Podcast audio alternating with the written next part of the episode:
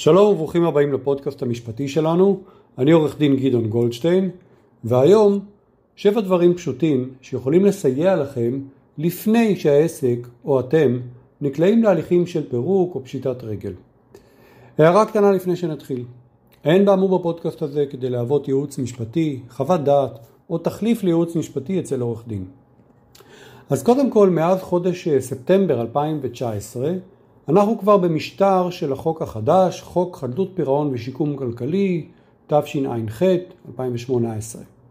מה שזה אומר למעשה, שכל מקרה חדש של חדלות פירעון, ותכף נאמר מה זה, החל מחודש ספטמבר 2019, ינוהל על פי החוק החדש, שהחליף למעשה את פקודת פשיטת הרגל, סעיפים מסוימים בחוק החברות, תקנות פשיטת הרגל, תקנות ההבראה, תקנות הפירוק, וריכז למעשה את כל הטיפול בנושאים של פשיטת רגל, פירוק של יחידים ושל תאגידים בחוק אחד ואב קרס.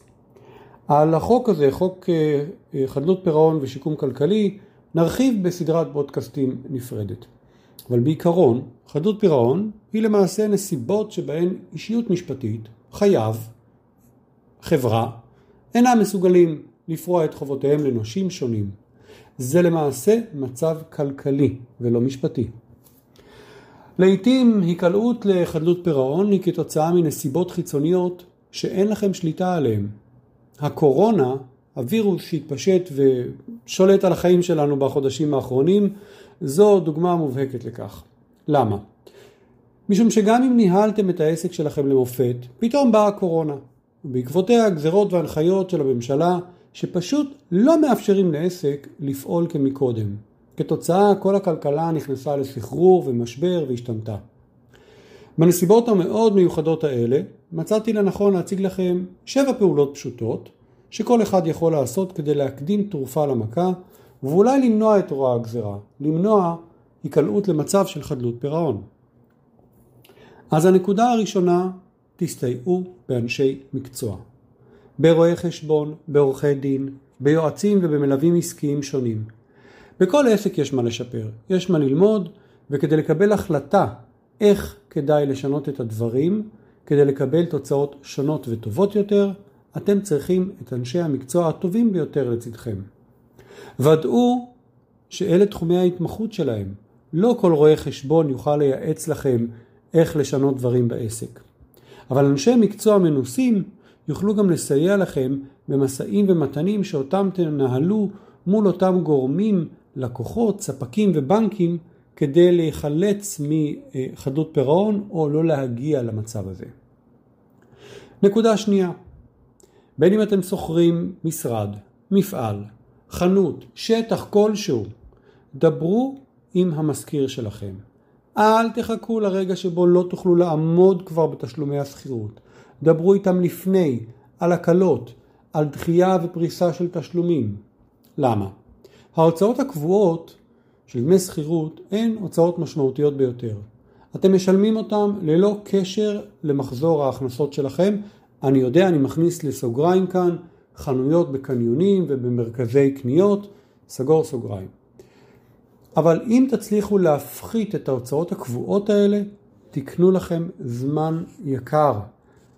בזמנים האלה, בזמנים של הקורונה, המשכירים יודעים שלא פשוט להחליף סוחר ולמצוא סוחר חדש, והם לא יסוסו להתחיל בהליכים משפטיים נגדכם, כי הם לא יודעים מה בתי המשפט יגידו. אגב, אנחנו על זה הרחבנו בפודקאסטים אחרים. לכן עדיף לכם ליצור את הקשר, לחתור למגע, לדבר ולהגיע להסכמות. זה ייתן לכם שקט תעשייתי להתרכז בהבראת העסק, וזה הנקודת המפתח כדי להצליח ולהוציא את העגלה הזאת מהבוץ. כמובן, כיוון אחר לחלוטין יכול להיות במידת האפשר פשוט לצמצם את השטח ששוכרים, לעבור לעבוד במתכונת שבה הרוב מתבצע מרחוק, מהבית, לשלוח עובדים לעבוד מהבית ולצמצם רק מה שהכרחי מהמשרד, להקטין את השטחים שלו או מבית העסק, להקטין את השטחים של המחסן, של המפעל, זה כמובן יאפשר לכם חיסכון בהוצאות בטווח קצר.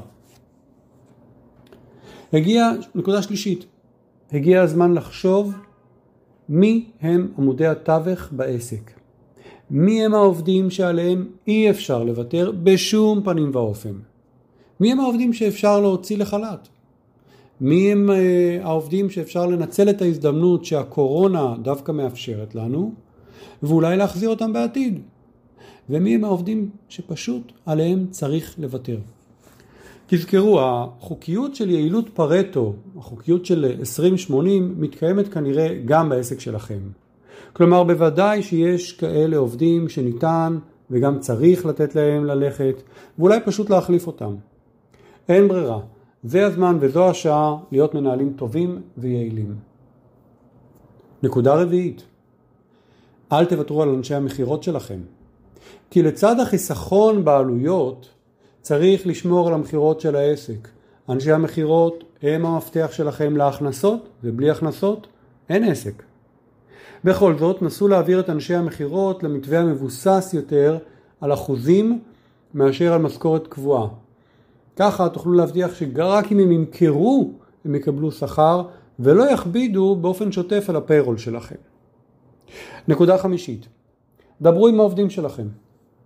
אל תעכבו משכורות ואל תסתירו מידע. העובדים הם המנוע של העסק והם מרגישים טוב מאוד שמשהו לא מתקתק, שמשהו לא בסדר. הם גם יהיו הרבה פעמים הראשונים שימהרו להסתייע בעורך דין ויפנו לבית המשפט בבקשות על פי חוק חדלות פירעון, כדי לשמור על הזכויות שלהם.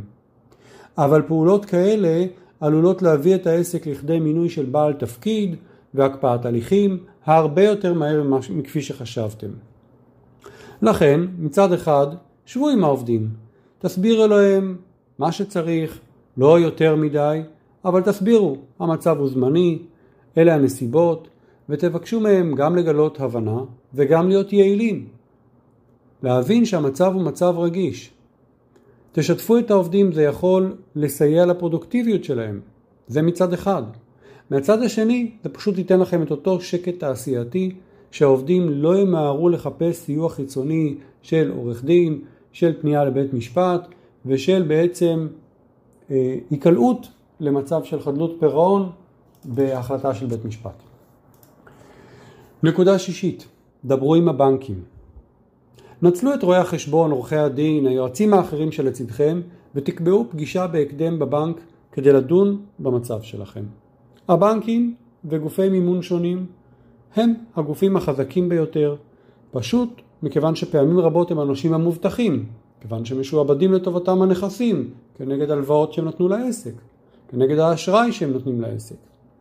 ולכן הם אלו שבעלי הכוח הרב ביותר בכל עימות משפטי. אם תצליחו לגייס אותם לעמוד לצדכם, רגע לפני שנושים אחרים רודפים אחריכם, הם בהחלט עשויים להכריע את הכף בבקשות שונות שקשורות בחדלות פירעון כשתגיעו לבית המשפט.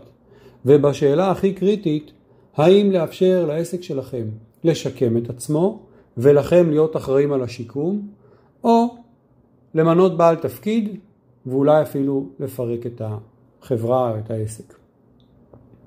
ייתכן שתגיעו להסכמות עם הבנקים לדחייה ופריסה של תשלומים, בין אם של משכנתה על נכסים של העסק או תשלומי הלוואה אחרים. זה לא משנה, כי כל פעולה כזאת והשיתוף פעולה עם הבנק נותנים מרווחי נשימה קריטיים וחיוניים להתאוששות של העסק.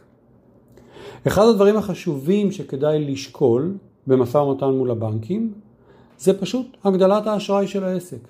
כמובן, את זה צריך לעשות לפני שמגיעים לנקודה הקריטית שבה כבר לא מסוגלים לעמוד בתשלומים לספקים ועובדים ובתשלומים לבנק ואם תעשו את זה רגע לפני יכול להיות שפשוט תימנעו מלהגיע לאירוע של חדלות פירעון. נקודה שביעית ואחרונה להיום, גבשו לעצמכם תוכנית הבראה. בין אם תצטרכו ובין אם לא תצטרכו להגיש תוכנית כזו לבית המשפט, אם תשבו עם אנשי המקצוע, עם עורכי הדין, עם היועצים העסקיים, עם רואי החשבון, עם יועצי המס, שבו איתם ברצינות על האופן שבו מתנהל העסק, אתם בוודאי תגיעו למסקנות חשובות איך אפשר לייעל תהליכים, איך אפשר לחסוך בהוצאות, להיפתח לשווקים חדשים. מה צריך לעשות כדי לשנות משהו ולקבל תוצאות טובות יותר. גם כשתצטרכו סוף סוף לדבר עם הספקים והבנקים והעובדים, תוכלו להתחיל ולגבות את הדברים שלכם בתוכנית סדורה שתציגו להם, לנסוך בהם ביטחון שאתם מתכוונים לפעול על פי התוכנית הזאת, לצאת מהמשבר, וכבר למעשה התחלתם בצעדים הנדרשים, כאשר אתם מבקשים מהם לתת יד ולהירתם. כולם מעדיפים לראות עסק שיוצא ממשבר, מאשר עסק שממוטט אה, איתו משפחות ועסקים סביבו כשהוא מתמוטט. אני עורך דין גדעון גולדשטיין, אני מקווה שנהניתם, להתראות.